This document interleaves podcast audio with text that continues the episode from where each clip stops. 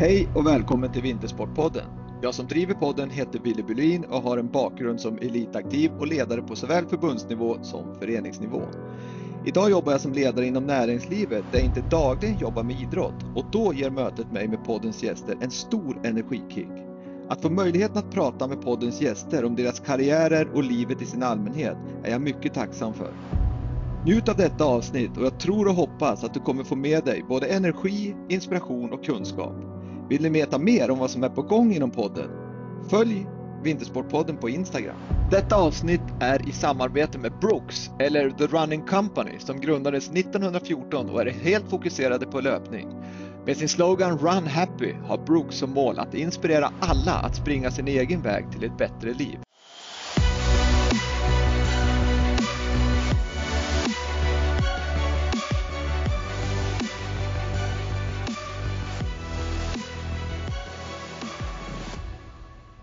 Dagens gäst i Vintersportpodden, skicrossstjärnan Anna Holmlund. Varmt välkommen till Vintersportpodden Anna. Tack så mycket, vad kul. Tack så mycket. Ja, det är jättekul att du vill vara med i Vintersportpodden och jag ser fram emot att få prata med dig i några minuter eller ja, förhoppningsvis många minuter om du orkar lyssna på mig. Ja, det är Ja, det är bra. Det är bra. Ja. Härligt att höra. Eh, jag brukar alltid börja med en bakgrund jag här när jag kör Vintersportpodden och då brukar jag liksom läsa lite grann och, och säga vart du kommer ifrån och vad du har gjort och, och, så vidare, meriter och så. Och sen kommer vi in och så då ska du få prata mer än vad jag pratar. Ja, okay. Men Anna Holmlund är född 1987 i Selånger, Sundsvall, där hon vuxit upp med eh, en ganska stor familj som var alpinintresserad, väldigt alpinintresserad. Du har två syskon som gick på skidgymnasiet i Järpen. Eh, du vann samtliga discipliner på ungdoms SM i alpint. Eh, du slutade med alpint som 16-åring där du satsade 100% på fotboll. Där de var mycket, mycket duktiga. Anna spelade som 16-åring och var uttagen att representera Sverige i flicklandslaget.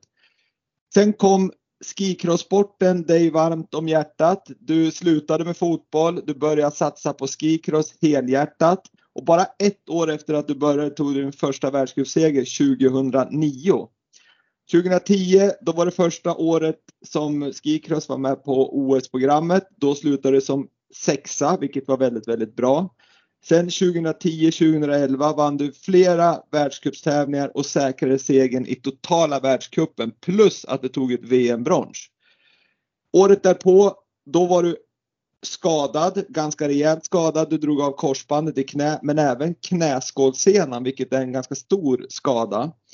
Eh, där trodde nog många i din omgivning att det inte skulle kunna komma tillbaka men din järnvilja eh, även då visade sig att de hade fel. Du kom tillbaka med dunder och brak. 2014 då var du åter i, i backen och kvalade till OS där du tog ett OS-brons vilket jag tycker är mycket, mycket imponerande.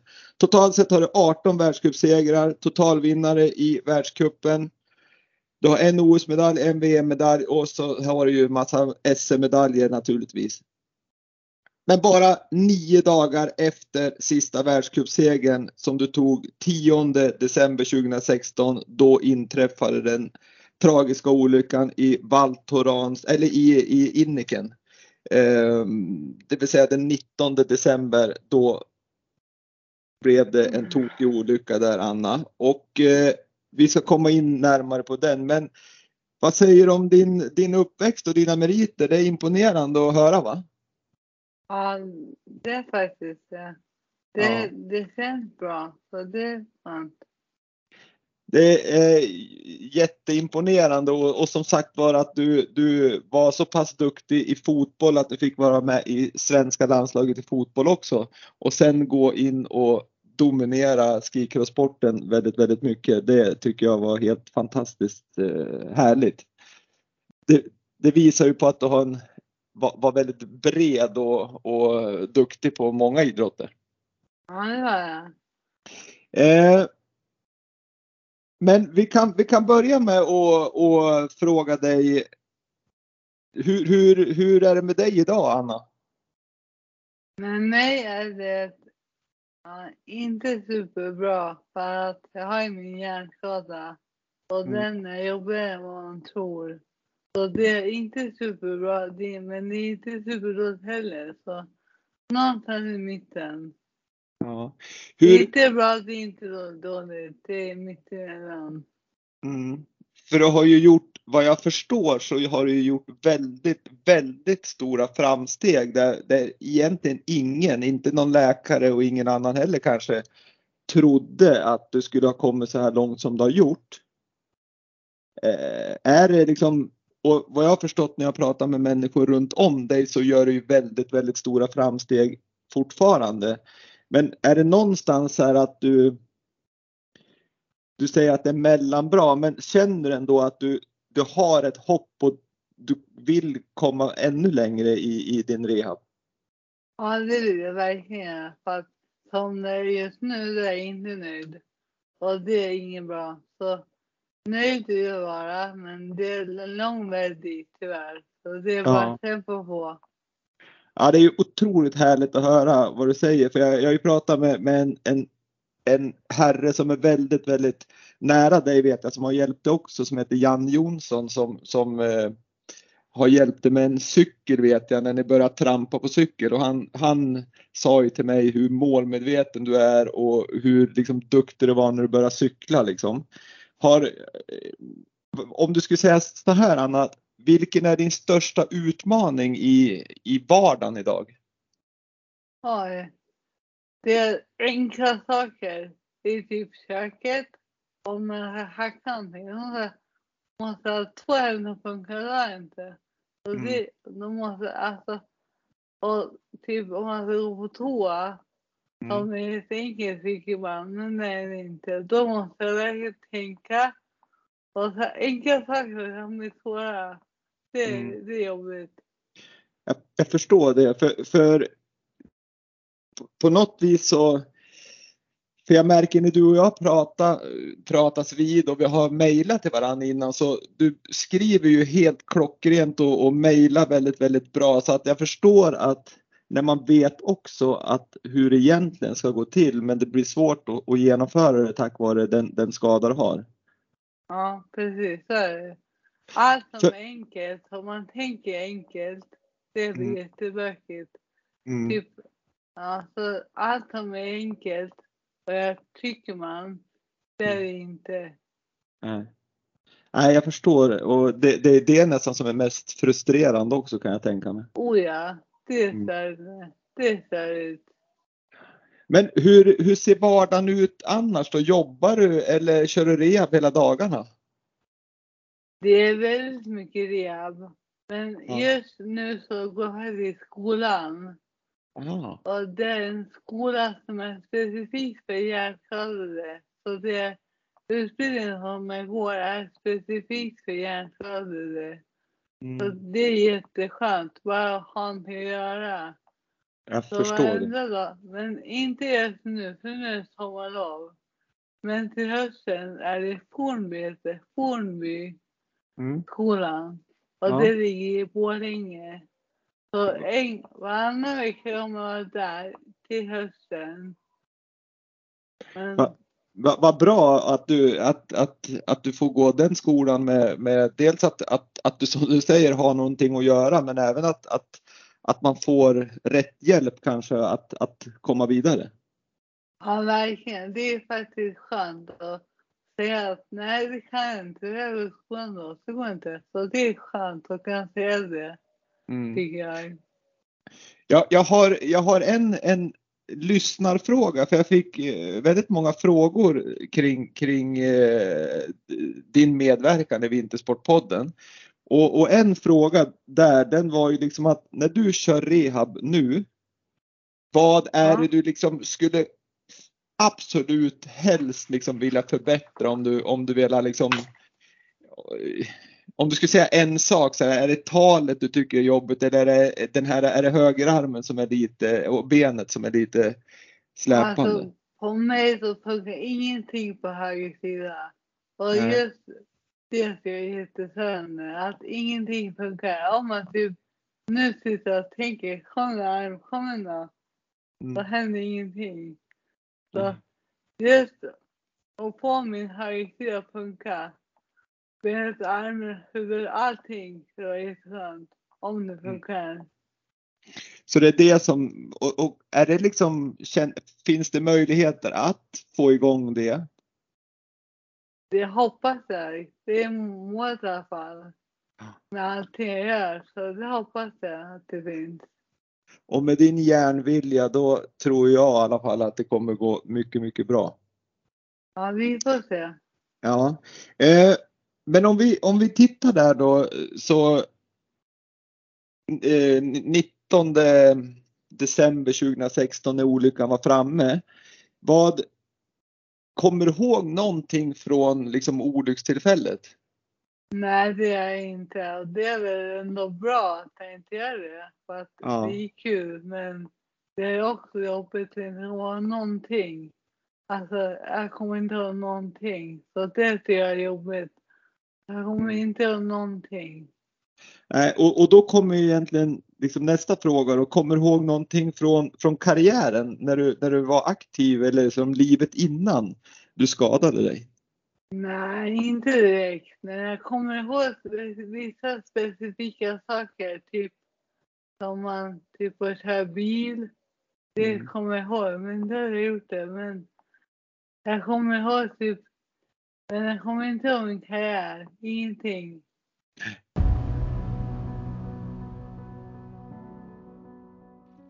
Vi ska få höra sportchefen under året 2016, Joar Båtelssons syn på dels Annas eh, roll som skikrossåkare och den olycka som skedde.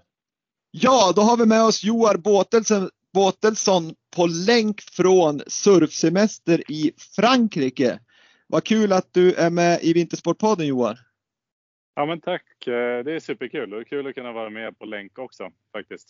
Eh, Men Joar han var ju sportchef för skicrosslandslaget eh, 2016 och även eh, åren innan där. Men, men nu ska vi nu när vi är inne på Annas avsnitt här så ska vi hantera året 2016 när, när den här olyckan skedde då med Anna. Mm. Eh, men vi ska börja Joar och, och egentligen prata om sporten i sin helhet och då vill jag veta liksom hur, hur mycket har Anna betytt för utvecklingen av skicross i Sverige och kanske framförallt då på damsidan? Jo men Anna har ju varit en av de största profilerna eh, oavsett om det är dam eller herrsida. Eh, och eh, det är ju internationellt sett också. Eh, och med tanke på att det var en förhållandevis ny sport, eh, åtminstone som OS-gren med första OS eh, 2010 i Vancouver så eh, var de ju ett par tjejer som eh, redan där tog plats i världseliten. Och hon har ju inspirerat och matchat fram egentligen de kommande stjärnorna som vi ser idag också med Sandra Näslund bland annat på toppen. Mm, mm. Men vad, vad var det som gjorde Anna så himla speciell? För jag minns när man följde liksom skicross på tv så, så hade hon någonting speciellt i blicken och en jäkla fighting spirit. Ja, men precis som du säger, det är ju fighting spiriten eh, man känner igen Anna. Eh, både innan och nu efter olyckan. Men eh, eh, jag tror att det var det som har tagit henne dit hon har varit genom eh, olika typer av skador och, och utmaningar eh, som sporten medför. Eh, Mm. Så att eh, det är pannben ska jag säga. Ja, det, det ser man verkligen när man, när man har har tittat på sporten på, på tv framförallt. Då. Men, men om vi ska gå till den här dagen då, 19 december i Inniken, eh, Italien, där olyckan skedde. Hur, hur kan du berätta? Jag vet ju att du satt på, på ett plan faktiskt ner från Sverige ner till, till Mellaneuropa för att ansluta till, till gruppen. Men, men kan du ändå berätta utifrån liksom Skicrossförbundets perspektiv hur, hur olyckan gick till den här dagen och lite grann var det, var det en liksom fightas som 17 under tävlingssammanhang eller var det under enklare träningsformer som olyckan skedde? Ja, men eh, precis. Eh, jag eh, var hemma ett par dagar så jag hade faktiskt bara lämnat Inniken för två övernattningar i Sverige och sen på vägen ner landade i München Eh, och fick då direkt ett samtal från vår sjukgymnast som meddelade att Anna var flygen till Bolzanos sjukhus med helikopter och att hon hade en förmodad allvarlig eh, skallskada. Eh, mm. Och jag fick ju snabbt uppdatering också om händelseförloppet som sen klarnade lite mer också då. Eh, och det var ju, eh, olyckan hände eller skedde under en en klassisk sån träningssession med eh, hitåkning men på träningens vis. Man ligger, följer varandra lite grann, kollar luckor och strategi snarare än att man fightar om platserna. Så att det var ingen direkt eh, närkontakt heller när olyckan skedde. Nej, det var det som var, och, och, tyvärr tänkte jag säga, eller tyvärr, men det är alltid sorgligt. Men, men när olyckor sker, för det vet vi även med, när Thomas Fogde skadade sig där och bröt ryggen, så, så var det också under väldigt, väldigt enkla former han, han gjorde det. Men, men förstod ni direkt, för jag menar krascher i eran sport, det hör ju till vardagen. Så att jag misstänker att, att man ramlar och, och ni får ta hand om folk och då, ibland åker de där själv och ibland får de åka pul pulka ner. Men förstod ni direkt att det här var en väldigt allvarlig olycka?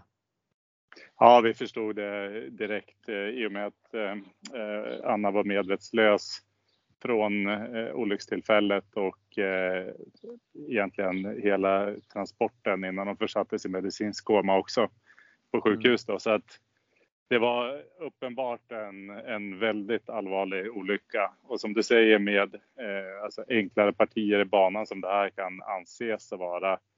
Och jag tror nog att Annas fokus var på full, fullt påslaget så att det, eh, eh det, det fanns ju tuffare partier i Innikens bana. Det är ju en känt för en, en brant avslutning med blank is. Eh, men mm. det här var då en lite enklare man säger, ett enklare parti i alla fall.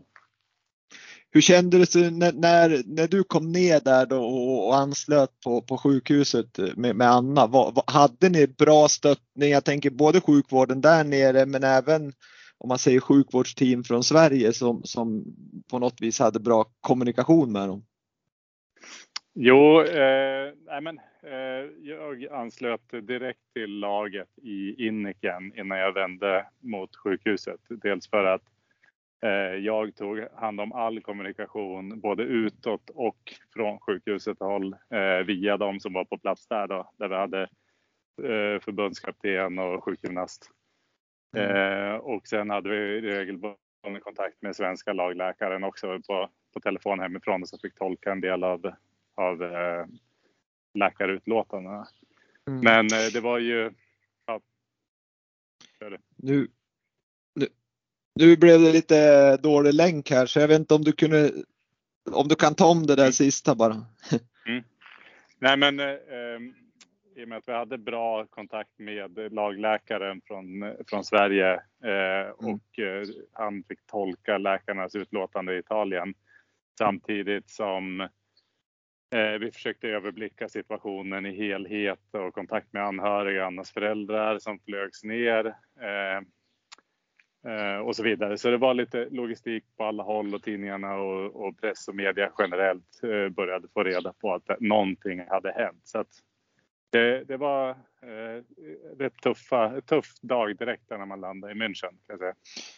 Ja, jag minns det där. Du, du gjorde det ja, du och hela förbundet där tycker jag gjorde jätte, liksom, verkligen bra insats vad det gäller liksom mediehanteringen och, och framförallt informationen ut till oss, oss vanliga liksom, som följer sporten. Det var väldigt liksom, bra information, tydlig information och att det kom kontinuerlig information. Det tyckte jag i alla fall var väldigt, väldigt bra hanterat av dig och, och er. Um, men jag tänker, det du sa, du, du anslöt till lager, för, för jag menar när man tävlar i en sån här grej så måste ju laget också liksom blivit väldigt chockade över, över situationen. Hur hanterar ni laget då liksom med, jag tänker med individer som kanske började, de blev chockade, de blev rädda, kanske frågasatte fasiken ska man hålla på med det här överhuvudtaget?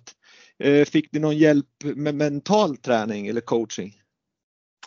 Ja, vi hade eh, också regelbunden kontakt med eh, den mental tränare som vi har haft, hade närmaste dialog med då. då. Eh, mm. och fick lite tips och så hur man skulle hantera eller läsa av gruppen. Men vi stod ju inför ett faktum där vi var tvungna att besluta. Ska resten av laget köra vidare för att liksom ha någonting att fokusera på?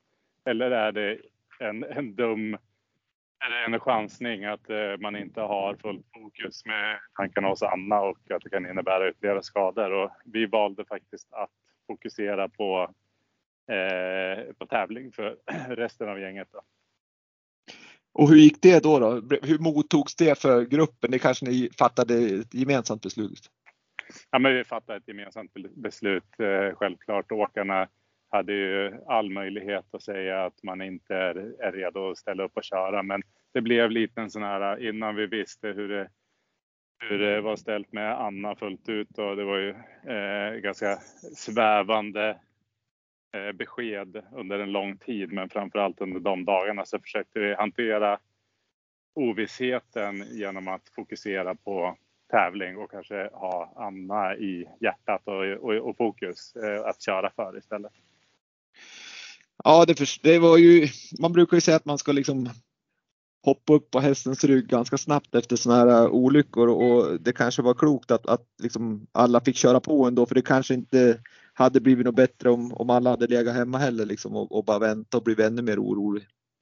Nej, men det är jäkligt svårt det där. Alltså det är, eh, med facit i hand så kanske vi hade valt att göra något annat men eh, nu valde vi att köra på eh, och jag tror att det mest kritiska, det var ju sista tävlingen innan juluppehållet och när man då ska återsamlas och börja landa och man fått lite mer information. Man vet att Anna ligger eh, på eh, sjukhus i Sverige fortfarande i, koma eh, och man ska åka ner till Italien igen till Vattles och köra nästa världscuptävling i början på mm. januari.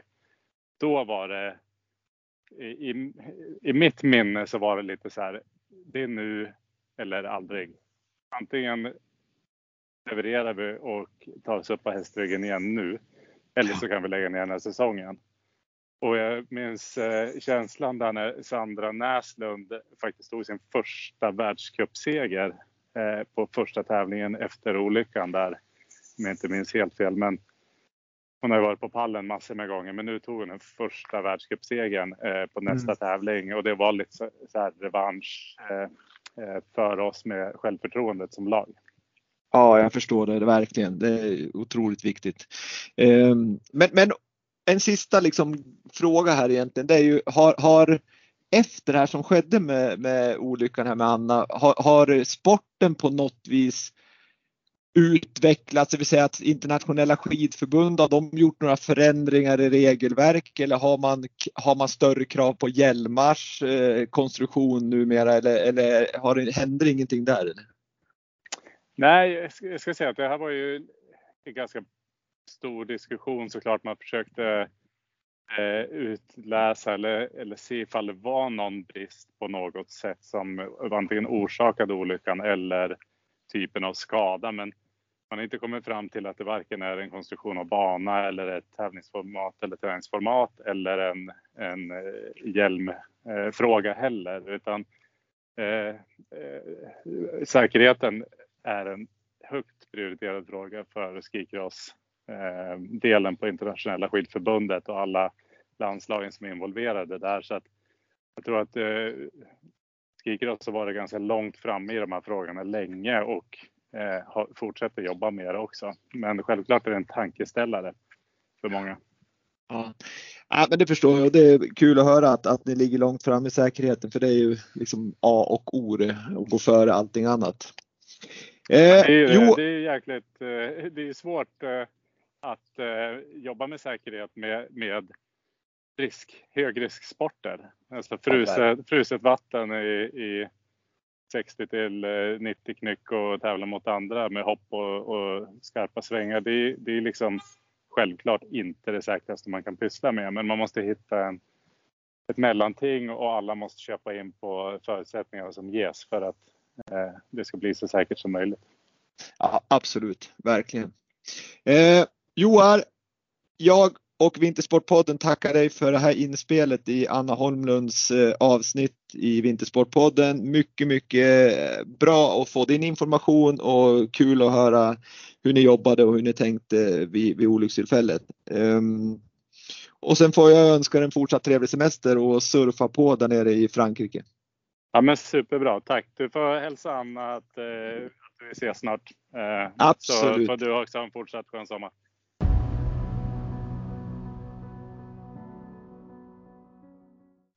Hur, hur, hur, känner, hur känner du Anna när, när, om du sätter dig ner och eh, tittar på, låt oss säga när du tog OS-brons. Hur, blir känslorna för dig då? Liksom? Är det, saknar du det här att susa ner för backen? Det förstår jag att du gör, men hur kan du få någon känsla hur det var?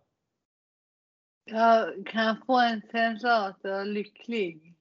Mm. Av att det var skönt att åka så här fort som det Mm. Men, men det, det, det är kul bara. Det är kul att sitta tycker jag. Du tycker det är kul? Du tycker det är kul fortfarande att sitta och titta på när du körde? Ja, alltså. När jag såg OS-brons till exempel. Det var jag kolla på ganska mycket.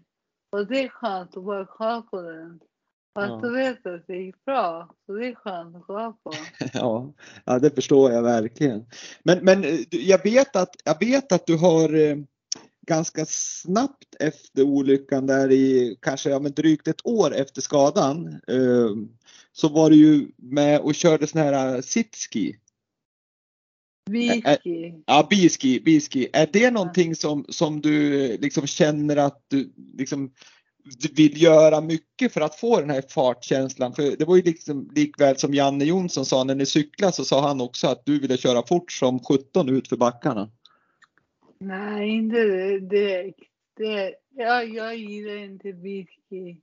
Att okej. jag vet att det är mycket roligare att skidor vanligt som vanligt folk är. Alltså, det är mycket roligare att skidor för det är kul. Mm. Men ni kan inte, det går inte.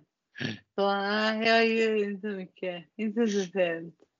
Nej, och det förstår jag. När man har gjort, när man har åkt, vad ska jag säga, riktiga skidor, då, då, är det väl, då vet du vad det innebär och då kanske det Ja. inte blir samma sak. Nej. Eh, Nej, men, men det är ju, jag vet inte hur man ska säga, men det kanske är, det är väl på både gott och ont att man inte, nu när olyckan har inträffat, att man kanske inte riktigt minns hur det var innan, för det kanske blir lättare att gå vidare nu. Att, Ja, Ja. jag tror faktiskt det. För att om jag kommer ihåg det så nej, det vill jag inte komma ihåg. Så det är bra på ett sätt, men dåligt också. men, men en sak du verkligen har fått med om man säger som, som inte har förändrats efter skadan, det är din målmedvetenhet. Det visar ju dels när du hade de här knäskadorna så att du tog dig tillbaks då var ju otroligt imponerande. Och det som du har gjort nu med de framstegen du har gjort efter den här allvarliga olyckan, det har ju också varit ja, super, super imponerande. Så att eh, är du liksom, om du tänker på dig själv, är du väldigt målmedveten och att du vill göra saker på egen hand liksom, och visa att du Ja. kan? Ja, det är jag. Jag vill verkligen kunna klara mig själv. Det är mitt mål. Det, jag vill inte ha några himla assistenter. Utan jag bara kör på. Min, min grej, jag bara kör på. Ja, det är ju jättehärligt att höra verkligen. Men hur, Ja. hur har du, ko- kommer du framåt där och du får säga åt assistenterna liksom att nu får ni hålla er borta, nu ska jag göra det här själv och så får du ta den tid det tar. Ibland får jag faktiskt det. Men nu vet de att till, till exempel om, om jag ska öppna dörrar. Det vill Ja. jag själv. Och nu Ja. så, nu är det typ, nu vill de inte ens försöka öppna dörren åt mig. Fast de vet att jag kommer öppna Då Och vet det de är, att de, ja, de vet precis och det är skönt att de vet det. mm, det tycker jag är skönt. ja, jättebra, då Att vet de de att de får, vet typ vart gränsen går. ja. Och typ så att tänder lampor, det jag också är min hand. Men om också så går det, går det inte så går det inte. Så då får de, men då märker de det. De, de är jättebra. De Ja, vet härligt. precis vart jag, hur långt jag ska gå och inte gå. Men du Anna, jag vet att i början i alla fall av din skada, då hade inte du en annan alpin legend som hjälpte dig då, Ylva Novén? Jo, det hade jag. Det måste väl ha varit liksom, hon är ju en härlig människa och, och väldigt liksom också så här målmedveten och för, liksom, kunde hon vara ett stöd till dig? Oh ja, hon är jättebra. Men Ja. Ja, hon susade tyvärr, men Så är det bara. Så, Så är det ja. Men, men det, var ju, det var ju kul att ni kunde liksom jobba tillsammans då. Att, att du Ja, kände att du fick verkligen. med. Ja. verkligen, det är roligt. Men, Ja. men i, i din rehab nu då? Har, känner du att du har, har bra stöd från eh, ja, sjukvård och, och team runt om det? Oh ja. Jag har jättebra personliga tränare. Jag har jättebra tränare. Jag har mamma, pappa. Jag har jättebra assistenter. Så jag har ett jättebra team runt mig. Ja, vad är härligt. Ja. Vilken är person är det som, vilken person är det som liksom har betytt mest för dig under den här tiden från skadan och framåt? Om du inte ska välja mamma och pappa som jag förstått är jätteengagerad naturligtvis. Ja. Oj. Okej. Det viktigaste är att han heter Anders. Han är min personliga tränare. Och Ja. han är jättebra. När jag är förkant så är jag Grekland. Och då är han med mig dit. Så han är jättebra. Han vad betyder jättemycket för mig. Så Anders och sen såklart mamma och pappa. Mm. De betyder jättemycket. Så.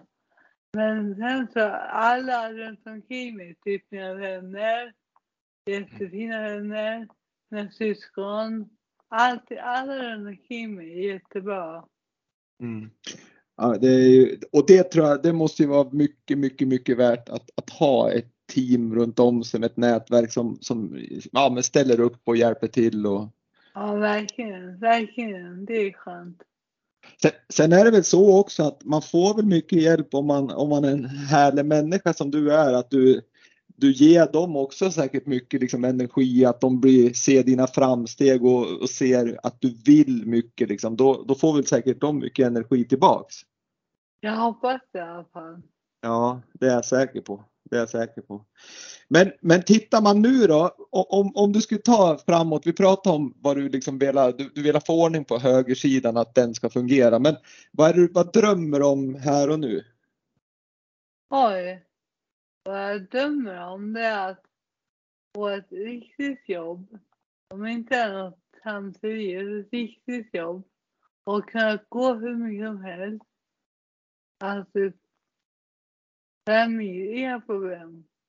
Och typ kunna röra använda min hand som Mm. jag vill.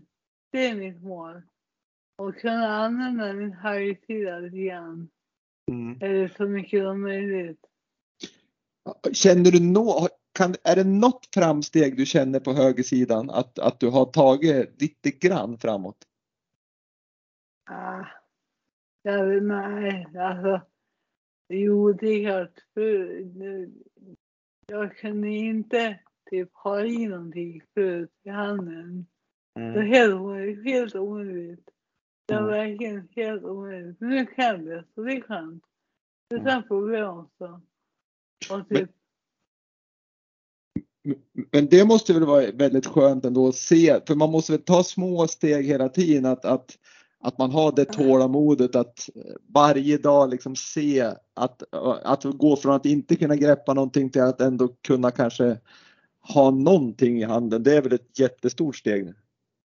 jo, det, jo, det är skönt. Men det här med tålamod, det, det har jag inte så bra av. Så det är synd, men så är det bara. Men, men det, är ju, det är ju på gott och ont det där. Tålamod, de som är väldigt målmedveten brukar ju ha lite dåligt tålamod för de vill se snabba framsteg. Men där Ja. misstänker jag att din tränare kanske får hjälpa dig och pusha dig och liksom Oh ja, han får verkligen hjälpa mycket där för att tålamod, det har jag inte. Nej. Och även om jag försöker så går det går bara inte. Så det är svårt. Ja.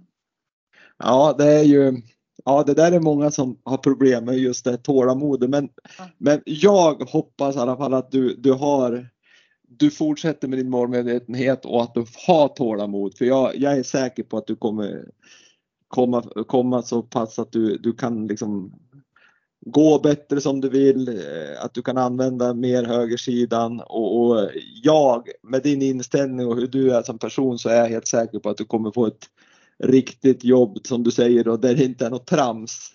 Um, vad, det, vad det nu är. Va, va, va, ett riktigt jobb för dig Anna, vad är, vad är det mer? Men typ som ditt jobb.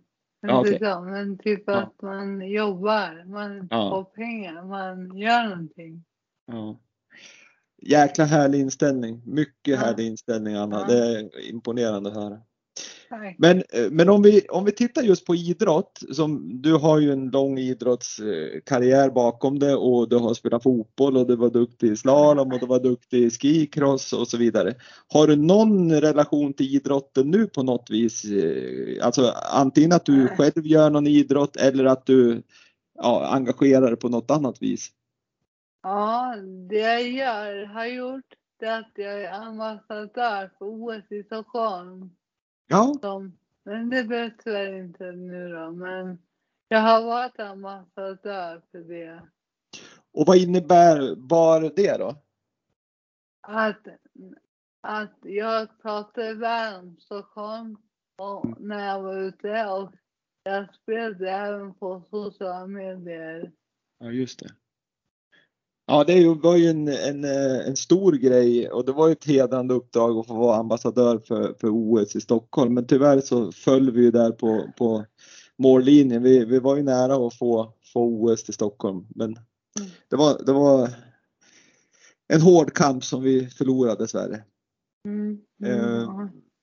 Men med din, med din eh, vad ska jag säga då, bakgrund här då med, med karriären, tyvärr så, eller tyvärr, det beror på hur vi ser det då. Vi, vi sa ju att det kanske var skönt att du inte kommer ihåg det också, men, men, men jag vet att idag, apropå riktigt jobb, så vet jag att du håller på att ta fram en, en för, föreläsning som du ska köra, köra med. Va, va, va, kan du berätta mer om, om det upp, upplägget? Ja, gärna. Då berättar jag om mitt liv, om min bakgrund och jag avser också att säga att absolut inte en hjärnskada. Det är mitt budskap. Få absolut inte en hjärnskada. Ja. Det, ja, det är bara det jag vill säga. Att inte det få en hjärnskada. Det, i, i, och för sig, i, I och för sig så hade man ju inte valt det men, men är det liksom, där vill du förmedla liksom, ja, vad en hjärnskada innebär och, och hur livet ser ut och så vidare. Men, men samtidigt kommer du också prata någonting om eh, hur viktigt det är med den här målmedvetenheten och, och tron på sig själv att, att komma framåt. Har inte så mycket jag har gjort det, men kanske kommer göra. Ja. Jag, jag tror ju, jag tänker bara så nu, nu har du ju den här skadan du fick. Men dels tror jag skulle liksom ge många inspiration för jag känner ju att, att du skulle kunna ge väldigt, väldigt stor inspiration till ja, men både idrottare som, som är aktiva idag men även de som jobbar inom vanliga näringslivet. För jag menar det är inte många som besitter din ja, men målmedvetenhet och, och det här liksom kämpaglöden och verkligen vilja komma framåt. Mm. Det, det kanske du skulle väva in i, i din eh, föreläsning. Ja. Men- Det jag kan göra. Ja. Men hur är det då? Kör du, kör, har du kunnat kört nu under pandemin eller har du kört det digitalt? Mest digitalt. Ja.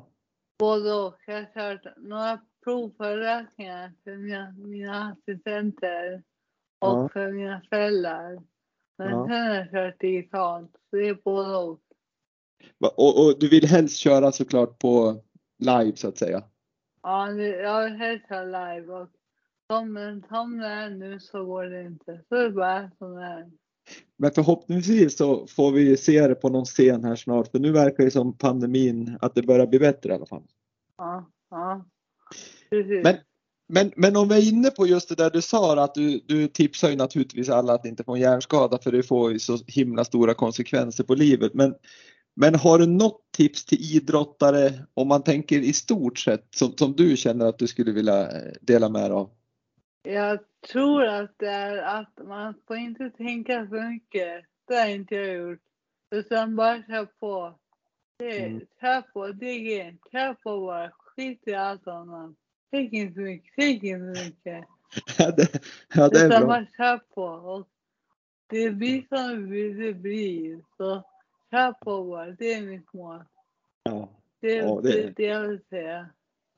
Och, och, där tror jag, där, det där är ett tips som jag tror väldigt, väldigt många skulle behöva ta åt sig av. För att jag tror många som inte lyckas, det är de som kanske är bra på träning men som, som på tävling tänker och det, det blir liksom, det blir för mycket tänkande och hur de ska göra och inte göra och så vidare. Precis, man får inte tänka för mycket.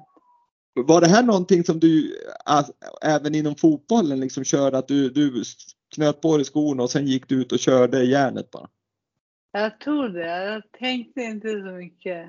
Jag mm. körde mest på bara. Och om jag tänkte så var det inte bra att tänka att jag ska vinna eller att jag ska må någonting. Så det här med att inte tänka så mycket, det har jag nog lärt mig. Ja, det var ett bra tips, grymt bra tips. Men, men om man tänker så här då. Vi har pratat mycket om din mål, målmedvetenhet och målsättningar misstänker att du har ju hela tiden som du sa nu en stor målsättning att få ordning på högersidan. Men är det någonting du kan dela med dig om hur, hur sätter du mål och hur, framförallt hur jobbar du för att nå dem liksom varje dag? Oj, ja. Nu är mitt mål som du sa att ordning på högersidan. För att just nu har jag absolut inte ingen kontroll alls på den. Och ja, hur jag jobbar, jag jobbar med allting. Jag pluggar i skolan, jag äter bra mat, jag sover bra, försöker sova bra. Mm. Jag tränar hela tiden. Det är en massa små saker som typ armen. Eller typ oralmotoriken också. Så det, det är med träning hela tiden. Då måste man bli väldigt trött av att hela tiden, som du sa innan här, att, att allt ifrån att gå på toaletten till att, eh, att egentligen öppna en dörr blir, blir liksom, du måste träna på det. Då måste du bli väldigt trött också. Nej, Alltså nej, jag tycker inte det är ett problem. Men jag har ju min vila varje dag i en okay. halvtimme. Mm. Och det gör jag för att när de säger åt mig att du måste ha det. Så gör vi det då. Så, så, så det, är, det är vad de mer eller mindre tvingar på dig? Det är inte du själv som vill vila? Ungefär. Ja, ja det var... Ja, det, det är ju men det är kanske för att de förstår att det, att det är viktigt för din rehab ja. att du får vila. Ja. Ja, verkligen. Om ja. någon säger att det är bra så gör det bara. Så ja. Då är det inga problem. Ja, det, det, är ju kanske smart att göra som de säger för de kan ju en del de där som håller på. Ja. Men du, eh, nu har vi pratat mycket här och, och det tycker jag är jättekul. Eh, men om vi ska titta på ditt liv ändå idag som du beskriver här då, att du har problem med högersidan. Det är mycket du gör i de här små sakerna som, som är jobbigt för dig och det är allt från att öppna dörrar till att gå på toan och, och sådär. Men när man följer dig på sociala medier så ser man ju ändå att du har väldigt, väldigt mycket liksom eh, du är aktiv. Du kör, jag såg att nu har du börjat köra SUP du badar ju väldigt mycket med, med, ja jag har sett mycket bilder tillsammans med din pappa bland annat. Du har kört cykel, sån här bicykel med Janne Jonsson. Eh, hur, hur mycket sånt håller du på med? Är det någonting som är viktigt för dig, liksom, just de här olika aktiviteterna? Jag ser att det är skönt att bara röra sig. Det är ja. skönt att röra sig. Och sen om det är cykel, bada, det spelar ingen roll. Det är bara skönt att röra sig. Ja, jag, det, det, är liksom bara känslan av att få komma ut och, och, och, och göra någonting. Det är det du är ute efter. Så att du har ja. liksom inget, det är inte någonting du har fastnat för så där att nu är det bara SUP jag ska köra till exempel. Nej, inte, nej tyvärr inte. Nej. Men det är bara skönt att röra sig. Ja, vad härligt. Um, det låter ju som en bra, bra aktivitet. Kör du en annan aktivitet varje dag? Ja, det, det gör jag typ tränar, cyklar, badar. Mm. Och badar jag ofta så det är jag jätteskönt att bada. Härligt. Hörru du Anna, jag känner att vi kan runda av. Är det någonting du vill säga mer som, jag, som du känner att nu har du glömt det här? Nej, jag tror inte det. Nej. Jag tycker det har varit- det. Jättetrevligt samtal och framförallt så har det varit fantastiskt roligt. Alltså roligt verkligen. att, att prata med dig och du har ju delat Ja. med dig väldigt, väldigt mycket. Så att det tycker jag är, har varit väldigt, väldigt bra. Tack Eh, detsamma. Ja, vad kul. Vi har en fråga kvar som, som jag ställer till alla gäster i Vintersportpodden. Och det är, kan du säga en framgångsfaktor för att lyckas med idrott? Och träna mycket. Ja. Träna Ja. hårt och så sen sa du ju en annan bra sak tycker jag och det är att inte Ja. tänka. Inte tänka mycket och träna mycket och träna rätt. Mm. Träna rätt och mycket. Ja. Och det är träna rätt, det är det som är svårt men det är tur att det finns de som kan det där lite grann. Lite grann. Ja. Ja. Du Anna, med det sagt så tackar jag och Vintersportpodden dig för att du ville vara med här och det har varit jättekul att ha dig med och jag hoppas att vi kan spela in ett till, ett till eh, samtal framåt här och se och följa upp och se hur det går med, med din högersida. Det skulle vara ganska kul. det. Ja, det hoppas jag också. Ja, då Vi blir hoppas håller på detta. Absolut, det är enda man, man kan bara hoppas, jobba hårt och målmedvetet så, så kan det bara bli bättre. ja verkligen. Ett stort tack och stort lycka Tack till med, med rehab och alla saker du håller på med i, i livet just nu. Tack så mycket. Tack så Tack, mycket tack. Hej då! Hej då.